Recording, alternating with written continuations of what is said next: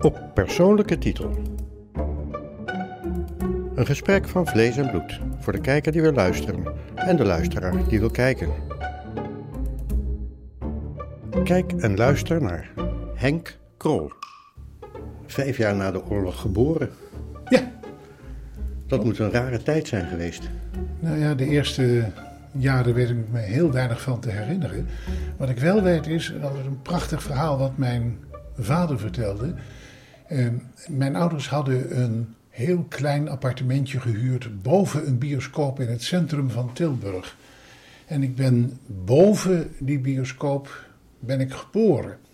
En dat houdt in dat elke avond hoorde men het geluid van de film die daar beneden speelde. En het verhaal gaat, of het waar is, weet ik niet, maar ik vind het een mooi verhaal. Mijn vader vertelde het altijd, dat ik geboren ben tijdens een hoofdfilm met Sarah Leander in de hoofdrol. En mijn vader zegt, ja, dat is, dat is de verklaring van alles wat daarna gebeurd is. Dan moet je wel even uitleggen wat Sarah Leander is. Ja, Sarah Leander was natuurlijk nog wel een hele bijzondere vrouw die eh, volgens sommigen eh, niet zo eh, juist was en volgens anderen heel juist was. In ieder geval een vrouw die voor heel veel opschudding gezorgd heeft in het eh, naoorlogse Duitsland en alle landen eromheen. En dat was ook wel een icoon, een icoon waar heel veel mensen tegenop keken. Maar dan nog, eh, in welk opzicht eh, was ze sexy? Of... Ze was uitermate sexy. Ja, ze was uitermate sexy. En ze kwam uit een van de Scandinavische landen en ze trad op en ze was ook heel populair in Duitsland. En de vraag is altijd, was ze nou in de oorlog aan de goede kant of aan de verkeerde kant? We zullen het niet weten, het was een uitermate opmerkelijke vrouw. En daar luisterde u naar in bed. Ja, kennelijk, dat heb ik moeten horen, maar het, het is toen niet tot mij doorgedrongen. Later heb ik wel enkele nummers van eh Sarah Leander beluisterd. En moet ik eerlijk toegeven, het is een uiterst markante persoonlijkheid. Eh, wat, wat voor eh, gezin was dat daar boven de bioscoop? En wat voor huis? Een heel bijzonder gezin, want ik ben geboren in het katholieke Tilburg. Maar eh, mijn moeder had een protestantse moeder en een katholieke vader. En mijn vader had een Joodse moeder en een katholieke vader. En die twee waren elkaar op de dansles tegengekomen. En die hadden meteen een klik, omdat ze allebei uit een gemengd gezin kwamen. Iets wat in die tijd niet erg gebruikelijk was in het katholieke zuiden. Dat heeft mijn ouders tot elkaar gebracht. En die hebben ervoor gezorgd dat ik ook altijd uiterst liberaal ben opgevoed. Want bij mij was er niet een wetmatigheid zoals dat bij anderen bestond. En ik mocht ook overal vraagtekens bij plaatsen. Dat hebben mijn ouders me aangeleerd en ik ben heel blij dat ik uit zo'n gecompliceerd gezin kom. En het allerleukste waren de zondagen. Op zondagen organiseerde de moeder van mijn moeder, mijn oma dus, die organiseerde altijd een bijeenkomst bij haar thuis. En daar hoorde ik de waarheid dan verschillende keren voorbij gaan. Want de een vertelde wat meneer Pastoor had verteld in de kerk, de ander wat de dominee verteld had en de derde wat hij de dag daarvoor in de schul gehoord had. En het was allemaal adembenemend en ik heb als klein kind geleerd, één waarheid, die bestaat niet. Ja, maar ehm, en eh, de rest van het gezin, of is er niet meer? Ja, later, vele jaren later, vijf jaar later, uitgerekend, ik dacht dat het mijn verjaardag was, maar dat bleek niet zo te zijn, want mijn ouders hadden me beschermd. Ik ben geboren op 1 april en mijn ouders waren bang dat je daar op school mee gepest zou worden, dus ze hebben me altijd wijsgemaakt dat ik op 31 maart geboren was. En vijf jaar later, op 31 maart, werd mijn zus geboren. Ja, die heb ik altijd beschouwd als een soort van verjaardagscadeautje. Tot het moment dat ik vele jaren later officiële papieren onder ogen kreeg en zag dat ik niet op 31 maart, maar op 1 april ben geboren. Ja, dat is ook eh, wel een nou ja, grappige eh, bijkomstigheid als je ziet dat er ook heel veel in de carrière later eh, ja, eh, eh, rare dingen zijn gebeurd altijd. Eh, maar goed, daar hebben we het dan later over. Nou, toen ik hier in, in eerste instantie in de Kamer kwam werken, toen nog als voorlichter van de VVD-fractie, was er een Kamerlid die vrijwel gelijktijdig met mij ook bij de VVD kwam werken. En dat was Ed Nijpels. En zoek het maar op. Ed Nijpels is ook geboren op 1 april, is precies zo oud als ik ben, is ook precies zo lang als ik ben. En wij trakteerden in de fractie altijd samen. Dat spaarde leuk kosten uit. Hm. Um, wat, voor, wat voor opvoeding uh, had je dat er op een gegeven moment komt ook naar, naar buiten dat je uh, op jongens valt en niet op meisjes? Lijkt mij, of niet? Weet je wat zo gek is? Dat hadden mijn ouders eerder in de gaten dan ik zelf. Ik was in die tijd ja, best nog wel aan het experimenteren met meisjes. Ik uh, had een oogje op de kassière van de Schouwburg. Later denk ik dat het niet om het meisje ging, maar om de kaartjes die ik op die manier kon krijgen. maar mijn ouders hadden heel snel in de gaten dat jongens misschien toch interessanter voor mij waren dan meisjes. Maar ook toen ik ging studeren, ik heb psychologie gestudeerd in, in Amsterdam, heb ik twee jaar lang een, een zeer innige verkering gehad met mijn nog steeds beste vriendin Ineke. Dus voor mij ligt die lijn niet zo strak. Eh, eh, eh, prima, iemand noemt zich homo, iemand noemt zich hetero, vind het allemaal prima. Maar ik kijk naar mensen en sommige mensen vind ik erg leuk en andere mensen wat minder. Hm. Maar goed, dan heb je een middelbare school. Ja. Want we slaan even de lagere school over. Dat moet waarschijnlijk met hoofd. Ja, was het een arm gezin? Nee, waarschijnlijk niet. Nee, mijn, mijn vader was directeur van Bergse Bergen. Dus wij hadden een, een redelijk uh, fatsoenlijk inkomen dankzij mijn vader. En mijn moeder werkte aan uh, de middelbare horecaopleiding. Dus uh, ja, nee, het was een, wat dat betreft kan ik niet zeggen dat ik uit een arm nest kwam. Ik kwam uit een rijk nest, maar dat rijk slaat voor mij dan niet op het inkomen, maar op het feit dat bij ons alles mogelijk was. Over alles werd gesproken. Het was een interessant gezin. En uh, dat noem ik rijk. Ja, uh, want het is, je gaat dan naar school in een periode na de oorlog dat er eigenlijk nog niks is. Ja, maar dat, je, je kon het toen niet vergelijken met iets anders. Dus ik wil, het was zoals het toen was. En ja, het leuke was dat ik dus van die zondagen bij mijn oma meegekregen had dat je overal vraagtekens bij mocht stellen. En dat heeft de leraren op mijn school altijd tot grote paniek gebracht. Ik weet wel dat uh, ik een rode streep kreeg van mijn Franse leraar toen ik bonne nuit vertaalde met welterusten. Dat was fout. Dat had moeten zijn goede nacht. En toen zei ik, ja maar lieve man, er is toch niemand in Nederland die wanneer die naar bed gaat zegt goede nacht. Wij zeggen tegen elkaar welterusten. Nee, bonne nuit is goede nacht. Ik zeg, en als je naar de groenteboer toe gaat, dan ga jij naar de handelaar in fruit en groente of in groente en fruit? Hoezo? Ik zeg, ja, in Frankrijk zeggen ze het precies omgekeerd. Daar zeggen ze fruit et légumes. Dat waren nooit leuke discussies, want die mensen voelden zich erg betrapt. Maar hij was heel eigenwijs. Het was echt heel eigenwijs. Verschrikkelijk eigenwijs, ja. Is dat gebleven? Ik denk het wel. Ja, ik denk het wel. Op mijn manier. Ja. Op mijn manier. Ik, ik, ik ben niet eigenwijs om de confrontatie te zoeken. Maar ik vind het wel belangrijk, dat, dat vind ik zo belangrijk als mensen durven te twijfelen. Als mensen vraagtekens durven te plaatsen. Als mensen bij alles wat er gebeurt zeggen: Ik ga me er eerst in verdiepen, leg me uit hoe het zit. En dan gaan we kijken hoe we het het beste kunnen oplossen. Maar al die mensen die dingen zeker weten, daar word ik niet gelukkig van. Dan uh, middelbare school. Wat was dat voor middelbare school? Middelbare school heb ik uh, gehad in Venlo bij de Paters Augustijnen. Op een katholiek internaat.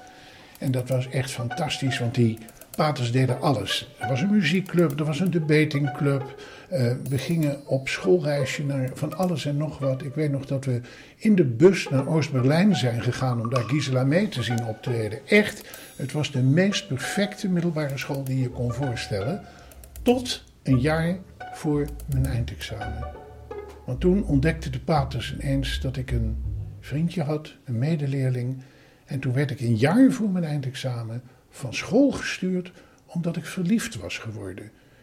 Dat heb ik vreselijk gevonden, dat vonden mijn ouders ook vreselijk. Maar het leuke is, jaren en jaren later kwam ik in de trein van Den Haag naar toen, ik woonde toen in, in Best bij Eindhoven, kwam ik ineens de pater Augustijn tegen, die destijds ook bij mij op dat internaat les gaf, pater van de Zanden. En hij herkende mij, ik herkende hem. En toen zei hij, wat leuk dat ik jou hier tegenkom. ik ga over een paar weken afscheid nemen. Ik zeg, hoe is het met de anderen gegaan? Ze allemaal weg. Uh, de, de prefect van die tijd, die is getrouwd. Uh, die is het verkeerde pad opgegaan. Daar is dat mee gebeurd. Ik ben de enige uit die periode die nog steeds Augustijn is. Hij zegt, maar ik ga weg over een paar weken. En dan heb ik de prins afgehuurd. Dat is zeg maar de Schouwburg in Venlo. Zou jij die avond langs willen komen? Want dan wil ik daar voor iedereen zeggen dat we toen een verkeerde beslissing hadden genomen. We hadden je nooit van school mogen sturen. En dat is zo'n ultieme genoegdoening voor iets wat ja, mij toen in mijn middelbare schoolperiode erg getekend heeft. Want als je dan een jaar voor je eindexamen wordt weggestuurd, dan heeft dat grote invloed op je. Maar toen dat jaren later op deze manier werd goedgemaakt, was het voor mij ook helemaal sloes. En later bleek dat Geert Wilders. Ja, die heeft op dezelfde school gezeten. Sterker nog, we hebben uh, dezelfde Duitse leraar gehad, dezelfde Franse leraar gehad. Um, ja, bij hen moeten ze een stukje ouder geweest zijn dan, dan bij mij, want hij is natuurlijk een stuk jonger dan ik ben. Maar uh, ja, en, en in de lift in de Tweede Kamer zongen wij wel eens samen Venloze carnavalsliedjes. Dan stapte hij in, in dezelfde lift waar ik ook moest instappen.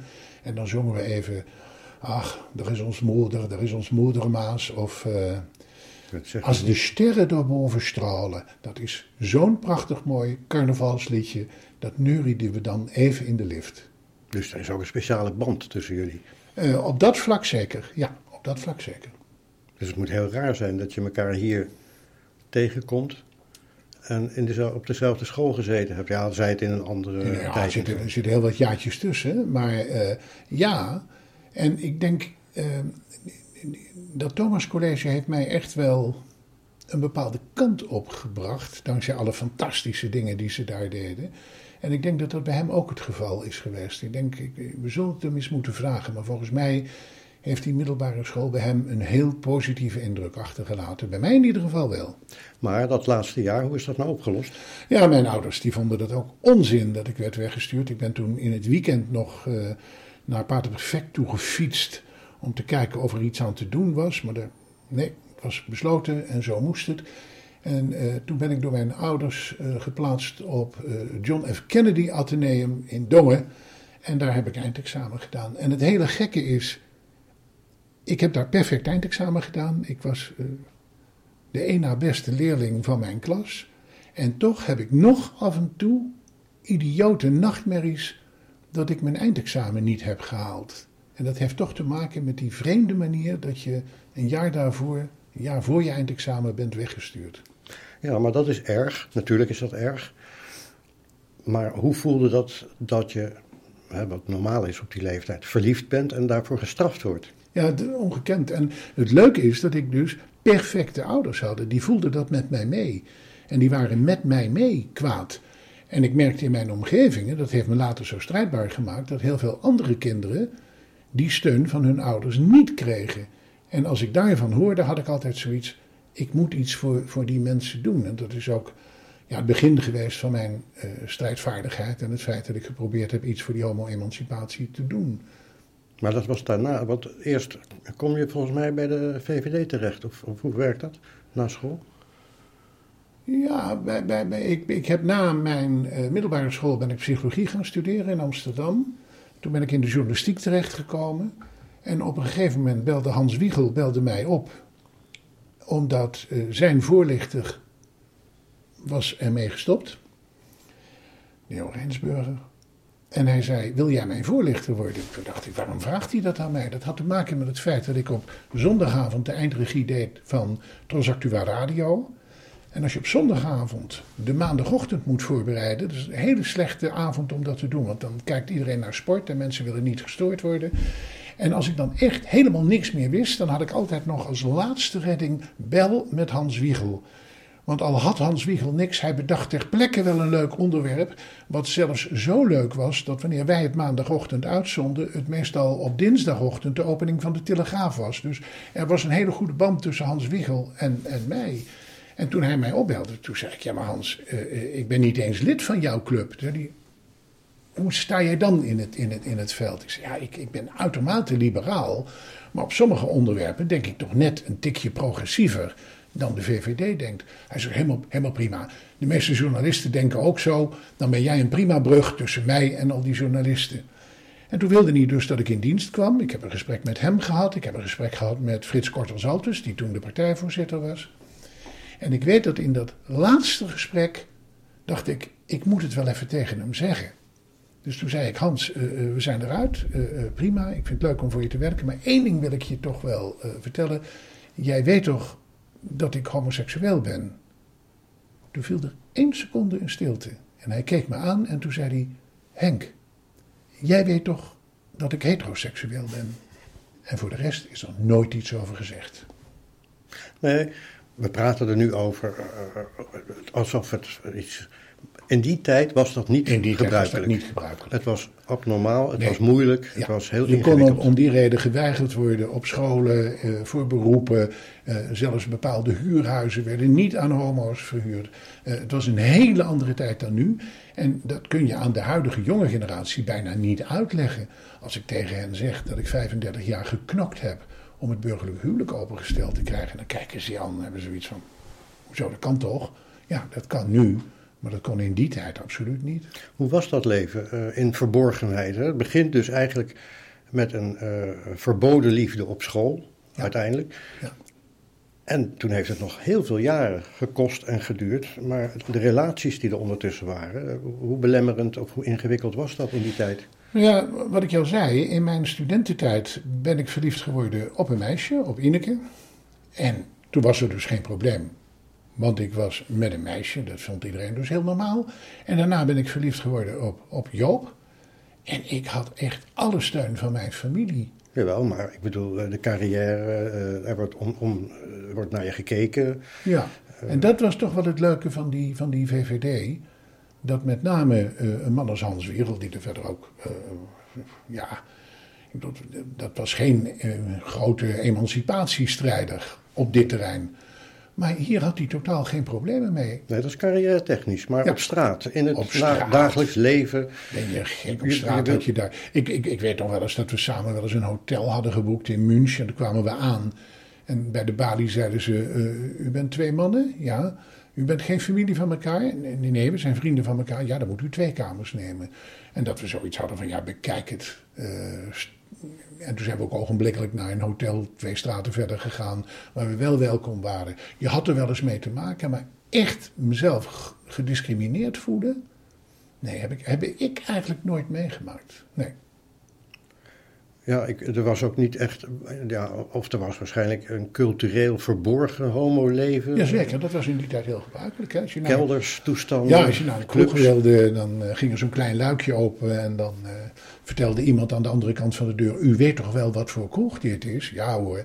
En dan ging de deur open. Maar ik ben nooit zo van die homo-kroegen geweest. Ik ben nooit zo van dat circuit geweest. Ik bedoel, ik was wel homoseksueel, maar het was voor mij niet iets ja, waarmee ik kop hoefde te lopen. Ik was, ik was heel gelukkig. Nee, maar ik kan me voorstellen, vooral in die tijd, dat bedoel ik ermee, ehm, moet je toch zelf alles uitvinden. Ja, En, Nou ja. Sorry dat ik even hoest. Geen corona hoor. Nee, eh, nee, nee, je moest alles uitzoeken. Maar daar had ik juist die enorme steun van die liberale familie eh, rondom mij heen. Zowel toen ik bij de VVD werkte als in mijn echte familiekring. En ik merkte wel dat ik heel veel mensen tegenkwam die het er juist wel moeilijk mee hadden. En toen dacht ik, wat ben ik toch gezegend dat ik uit een ander nest kom. En dat is de reden geweest waarom ik me daar zo voor ingezet heb. Maar zelf, persoonlijk, kan ik niet zeggen dat ik eh, ooit gediscrimineerd ben. Toen kwam er, dat is wel een sprong denk ik, Ja, ehm, eh, de gaykrant ja, en dergelijke. Ja, die Dus is, eh, er, er eh, kriebelde kennelijk toch iets. ja, dat is eh, ontstaan in de periode dat ik hier in de Tweede Kamer werkte, voor de VVD. En ik merkte dat, ehm, dat er wel iets nodig was.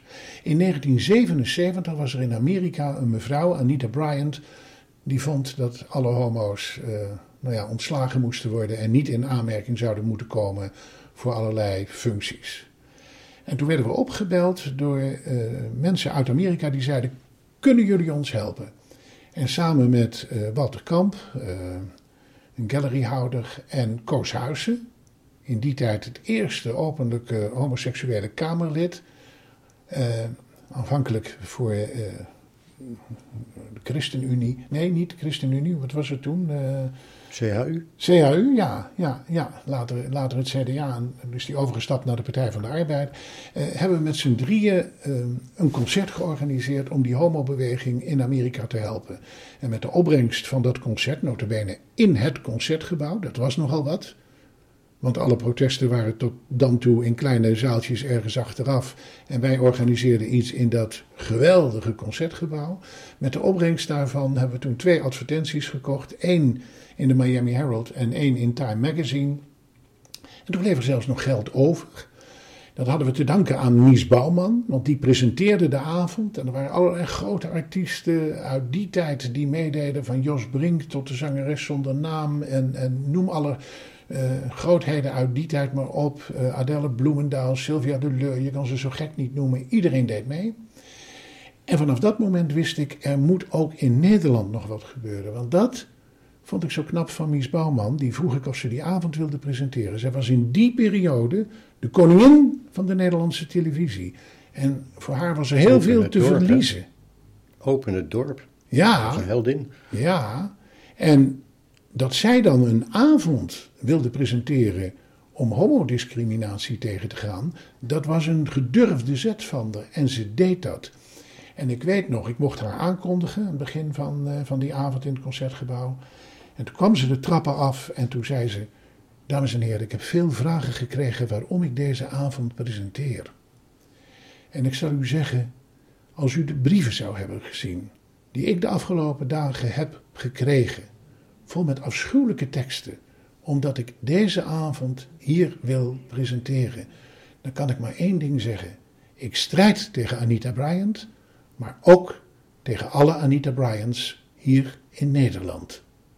Die woorden zal ik nooit vergeten. En toen dacht ik, er moet iets gebeuren. En dat was de reden waarom we toen, een paar jaar later, in 1979, de Gaykant hebben opgericht. En toch raar, want dit hele, eh, eh, we gaan daar ook voor, voort. Maar Daarvoor heb je al Wim Sonneveld en Cabaret. Ja, maar daar, daar, werd, daar werd niet over gesproken. werd niet over gesproken. Ik bedoel, iedereen wist het, maar niemand nou, zei het. Ik weet niet of in die tijd iedereen het wist. Nu zegt iedereen, iedereen wist het. En als je de filmpjes nu terugkijkt, dan denk je, ja, hallo zeg. Het spat er wel van af. En Albert Mol en, en noem alles maar op. Maar ik weet nog dat Albert Mol werd gevraagd in een televisieprogramma of hij daar wilde vertellen dat hij homoseksueel was. Dat was uh, um, Koos Postuma die hem vroeg in het grote u. En toen zei hij, ja, dat wil ik wel doen. En dat is zo'n fraai moment. Hè. In die tijd, een televisieprogramma werd meestal gemaakt met twee camera's. En op een gegeven moment komt dan die vraag van Koos Postuma. En die vraagt aan hem, meneer Mol, er wordt gezegd dat u uh, meer van mannen houdt dan van vrouwen. Is dat waar? En in die tijd was er nog maar één net. Hmm. En wat deed Albert Mol? Hij wenkte de camera dichterbij. En die camera die kon niet inzoomen. Die moest echt nog dichterbij rollen om dichterbij te komen. En toen hij vlak voor de lens was, keek hij recht in de lens. En toen zei hij: Als jullie beloven dat we het onder elkaar houden. Ja. Nou, dat zijn toch fantastische momenten. Daar zouden we nog eens een keer een documentaire over moeten maken. Hoe in die tijd door een aantal mensen echt wel wat steentjes verlegd zijn. En dan verder, de gaykrant. De ja. gaykrant. Ja, ja, ja. ongekend, want uh, we zijn ermee begonnen als een grapje, als een nieuwjaarscadeautje voor uh, uh, kroegbezoekers van een kroeg in, in, in Eindhoven. Ik werkte toen al voor de VVD-fractie hier in Den Haag. Dus ehm, als we dan weer een nieuw exemplaar hadden, dan werd het uitgedeeld in de kroegen in Eindhoven. de homo-kroegen in Eindhoven, maar ook de homo-kroegen hier in Den Haag. En dat groeide enorm. En in Den Haag hadden we in het begin ook absoluut de meeste abonnees. Dat had ook wel te maken met heel veel ambtenaren die in die tijd het leuk vonden om de Keekrand te lezen. En ja, de Keekrand groeide tegen de klippen op.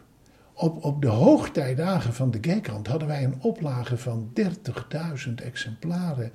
Nou, er zijn opiniebladen nu, die zouden er jaloers op zijn, denk ik. Ja. En het heeft toch ook echt wel wat betekend. Het, het, feit dat wij in Nederland het eerste land ter wereld zijn waar het huwelijk is opengesteld, hebben we toch te danken aan het feit dat we via die gaykrant daar zo verschrikkelijk veel reuring over hebben kunnen veroorzaken. En ook dat het hier in de Tweede Kamer, want al die Kamerleden nam natuurlijk stapeltjes mee. En alle woordvoerders kregen in hun postvakje toen natuurlijk ook een exemplaar van de Gaykrant. Dat heeft wel erg meegeholpen. Als je dat nou afzet hè, tegen nu, 2022, met de millennials die niet weten, s'morgens of uh, s middags wat ze zijn. Hè. Ja. Noemen vandaag maar Marie, of morgen weer Piet. en uh, de kleding en alles wat erop. Die hele mix van uh, ABC. Figuren, hoe kijk je daar tegenaan? Ah, daar heb ik geen oordeel over. Dat heeft ook weer te maken met die opvoeding die ik gehad heb. Iedereen mag zijn eigen waarheid hebben. En iedereen moet zijn eigen geluk zien te vinden. Maar hoe kijk je er tegenaan? Dit, dit... Nou, ik vind het wel boeiende ontwikkelingen. Ik vind het wel spannend. Ik vind, ik, vind, ik vind het altijd leuk.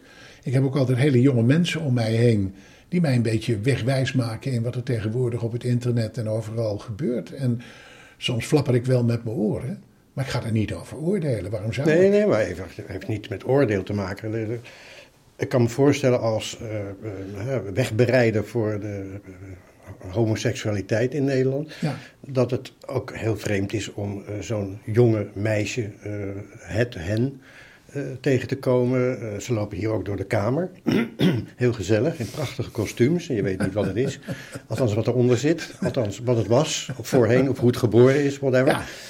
Die hele nieuwigheid, hoe kijkt iemand nee, dat... dat, dat, dat, Voor mij telt maar één ding. Als iemand gelukkig kan worden in zijn leven gelukkig kan worden, vooral met zichzelf en hopelijk ook met enkele mensen om zich heen waar die erg op gesteld is, dan, dan heb ik daar absoluut geen moeite mee. Nee, nee ik heb het ook niet over moeite, maar hoe kijk je er tegenaan? Want... Ja, leuk. Het zijn ja. ontwikkelingen die ja, ja. toen in mijn periode uh, nog niet speelden. Laat staan het, het ombouwen, hè? want dat, nee, dat zal helemaal dat, niet... Ja, uh... dat, dat, dat, dat, gebeurde in sommige Arabische landen, gebeurde Hm. dat al wel. Dat las je dan en dan dacht je, ja, wie zou dat willen? En maar dat kwam ook, we waren in die tijd natuurlijk veel beperkter in onze kennis. Maar ja, er is daar wel wat ontstaan. Als we toch teruggaan in de geschiedenis en je kijkt hoe mensen 50, 60 jaar geleden tegen dingen aankeken en hoe het nu is, dan zijn we er toch een stuk op vooruit gegaan. En dat vind ik wel belangrijk. Laten we daar ook trots op zijn. Het is nu, uh, ja. Is het vooruitgang? Dat je dus op een gegeven moment uh, die twijfel bij jongeren zoals die nu met het gemak van vandaag uh, plaatsvindt, uh, toch ook helemaal in de war maakt. Nee, maar er is maar een hele kleine groep die daarmee in de war is en die moet je helpen. Maar voor heel veel andere mensen is het ook überhaupt niet een onderwerp. Zijn ze er ook helemaal niet mee bezig. En als dan iemand in de klas daar wel mee bezig is. Je hebt die, die, die Rainbow Coalitions waar jongeren elkaar helpen. En dat hoor ik ook van een, een, een buurjongen bij mij in de buurt. Ja, dat is op die scholen is dat, is dat heel goed bespreekbaar. Maar je ziet wel dat onder invloed van andere culturen er soms wel een hoop weerstand kan ontstaan. En daar moeten we wat aan doen. Want ik neem die mensen die uit een andere cultuur hier naartoe komen. En die nog niet zo ver zijn als wij zijn. Die neem ik niks kwalijk dat ze dat van thuis uit niet hebben meegekregen. Maar die moeten wel weten, als je in Nederland komt, dan moet je je ook houden aan de normen en waarden die wij hier met elkaar hebben opgebouwd. Daar ben ik trots op. We hebben hier in Nederland het een en ander bereikt. En dat moeten we niet overboord gooien, omdat er sommige mensen daar niet goed mee overweg kunnen. Wij kennen elkaar al verschrikkelijk lang. Ja. Uh, ik heb zelfs ooit voor de NOS gewerkt voor het programma Homonos. Daar werd ik voor aangeleend. Hoe heet die ook alweer? Uh, Geen idee, maar ik, Ach, ik, zie hem wel voor me, maar ik weet niet meer.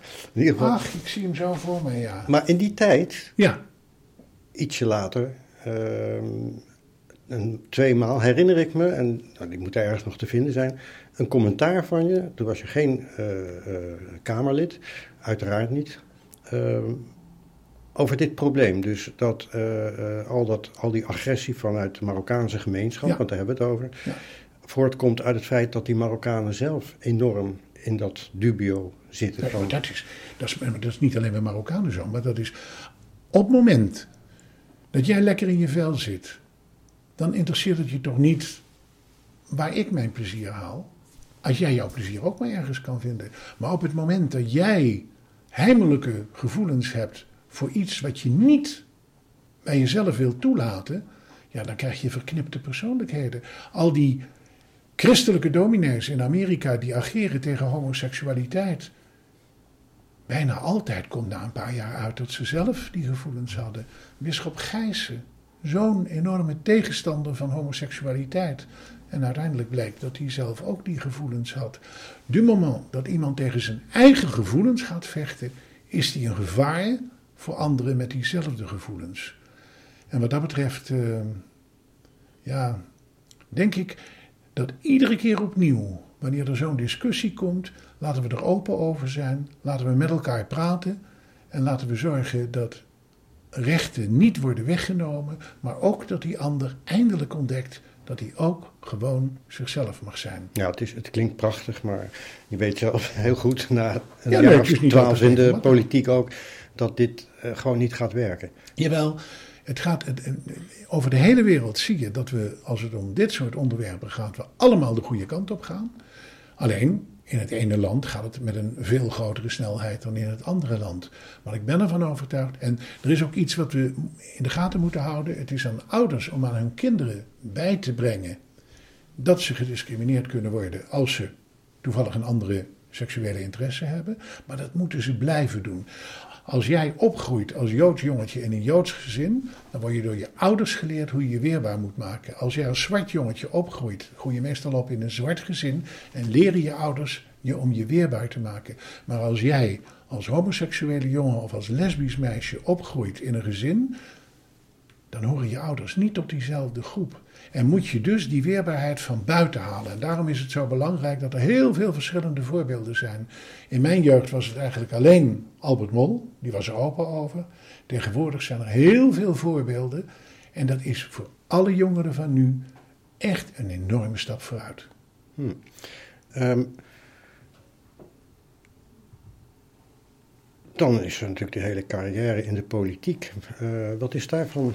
Ja, op een gegeven moment met alle ellende. Want de gaykrant ging dan failliet. Uh, een paar pagina's in de Telegraaf hoe slecht je het gedaan had. En met pensioenen, of was dat weer iets anders, ik weet het niet. Uiteindelijk bleken al die opheftoestanden die uh, de journalisten hier naar boven wisten te halen, bleken meestal niet waar. Uh, ja. Of in ieder geval niet te kloppen. dat hing ook om je heen. Ja, Waarom? maar dat is omdat je, kijk, als nieuwe partij heb je twee mogelijkheden. Of je gaat het goed doen, of je bent zo weer verdwenen. Toen ik in de Kamer kwam, duurde het een jaar en 50PLUS stond op meer dan 20 zetels. En ik weet dat al je collega's kwamen me opwachten bij de lift en die zeiden: Nou, uh, gefeliciteerd, uh, gaat goed met de club. En toen zei ik: Nu gaat het pas moeilijk worden. Want ik realiseerde me heel goed uit mijn vorig verleden, toen ik voorlichter bij de VVD was: als het goed gaat met een club, dan gaan al die mensen hier in dit gebouw gaan samen zitten om te kijken hoe ze je kop af kunnen hakken. En toen wist ik, ja, nu, nu komt er een aanval van alle kanten. En die kwam ook met allemaal onzin dingen. Want alles wat ze mij verweten hebben bleek achteraf helemaal niets van waar te zijn. Maar je moest kapot worden gemaakt. En dat zie je nu ook. je ziet wat er gebeurt met Forum voor Democratie. Voortdurend negatieve publiciteit door mensen die een hekel aan die club hebben. Dat hoort bij een nieuwe club. En als je dan een sterke partij hebt die ervoor zorgen dat de eerste man of vrouw van die club overeind kan blijven, dan kan je doorgroeien. Ik kijk nu ook naar BBB en dan denk ik, oh, die gaat straks groeien. Die moet straks meerdere zetels in die Kamer gaan vullen. Die moet een partijapparaat opbouwen. Ik kijk naar Van Haga, dan denk ik, oh, stop daar al je energie in. Want als je om je heen mensen hebt die daar niet zitten voor de boodschap, maar die daar zitten voor hun eigen ego, dan gaan heel veel van die nieuwe partijen uiteindelijk kapot. En uh, dezelfde pers die feliciteerde, kwam natuurlijk met uh, de smeuïge verhalen, waar dan uiteindelijk niet zoveel van klopte. Of helemaal niks. Ja. Maar er zaten, ik geloof, drie, vier pagina's in de krant met foto's. Waar je met een failliete... Ja, of van alles en nog wat. Ik heb dildo's in je kamer, herinner ik. Wat is dat Die er nooit geweest zijn, maar goed, dat ja. er allemaal niet toe. ja, weet je, eh, als ik ochtends wakker word, dan hoef ik maar één aan te kijken in de spiegel. Dat ben ik zelf. En zolang als ik nog alle vertrouwen heb in mezelf, dan denk ik, jongens, doe je best maar. Het, het gaat prima met me. Ik vind het alleen jammer voor die groep die ik een stem wilde geven. Ik heb jarenlang heb ik geprobeerd om die homo- en lesbische gemeenschap een stem te geven en dat is gelukt. Het is heel hard nodig dat de 50-plusser in Nederland ook een stem krijgt.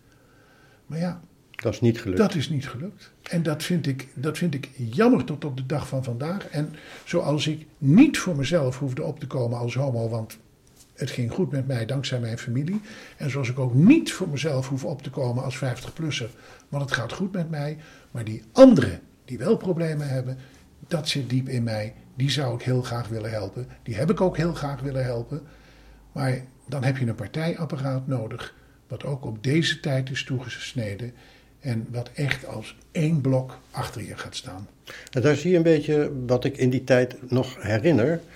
Eh, want het waren allemaal eh, ja, eh, ruzietjes en, en rare roddels en toestanden.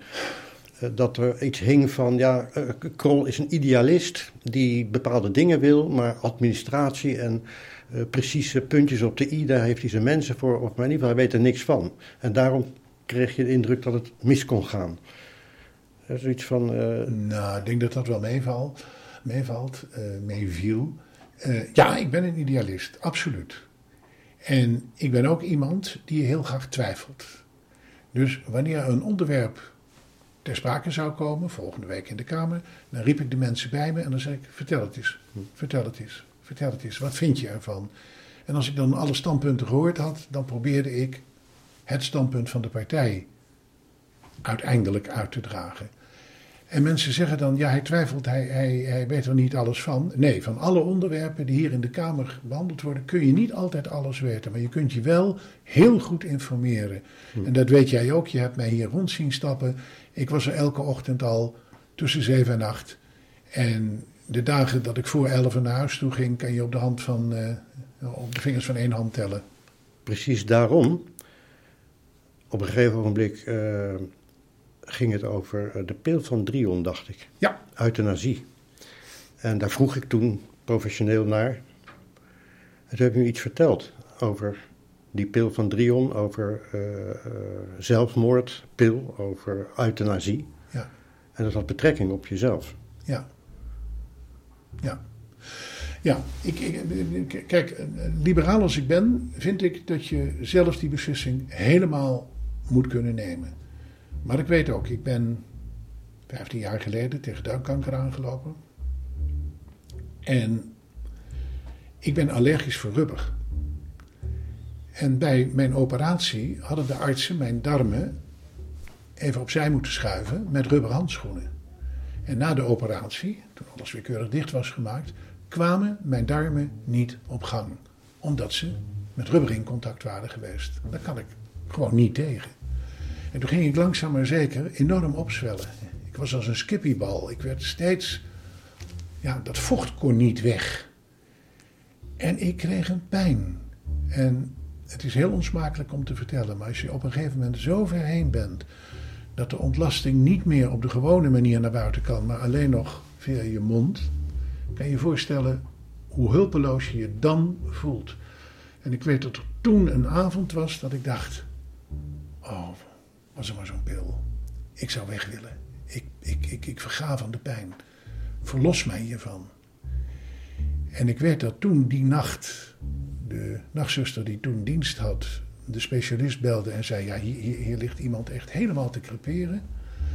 En terwijl de specialist al onderweg was, barstte ineens die darmen open. Ging het weer op de normale manier. Die hele kamer zat onder de spetters. Ik schaamde me dood. En de verpleegsters in het ziekenhuis kwamen naar me toe en die zeiden: Gefeliciteerd, meneer Krol. Ik zei: Maar vinden jullie niet erg dat je dit allemaal moet opruimen? Nee, u bent er doorheen. Van harte. Dat zijn momenten waarop je denkt: je kunt van het een op het andere moment ineens heel anders tegen iets aankijken. Ik was altijd zonder meer voorstander van die pil, maar je moet wel even iets van een pauze inbouwen, omdat er zomaar ineens iets kan veranderen in je leven, waardoor je over een week er anders tegenaan kijkt dan nu. Maar op dat moment, als die pil naast het nachtkastje. Had ik hem genomen. Had ik hem genomen. Maar het heeft mij wel geleerd dat je daar dus iets terughoudender mee moet zijn.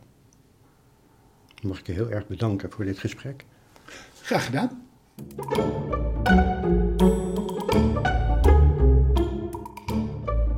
U heeft geluisterd naar Op Persoonlijke Titel. Samenstelling Ernst Lissauer. Vormgeving, branding en online productie Carlos Jurissen. Zakelijke leiding Jan Riemens.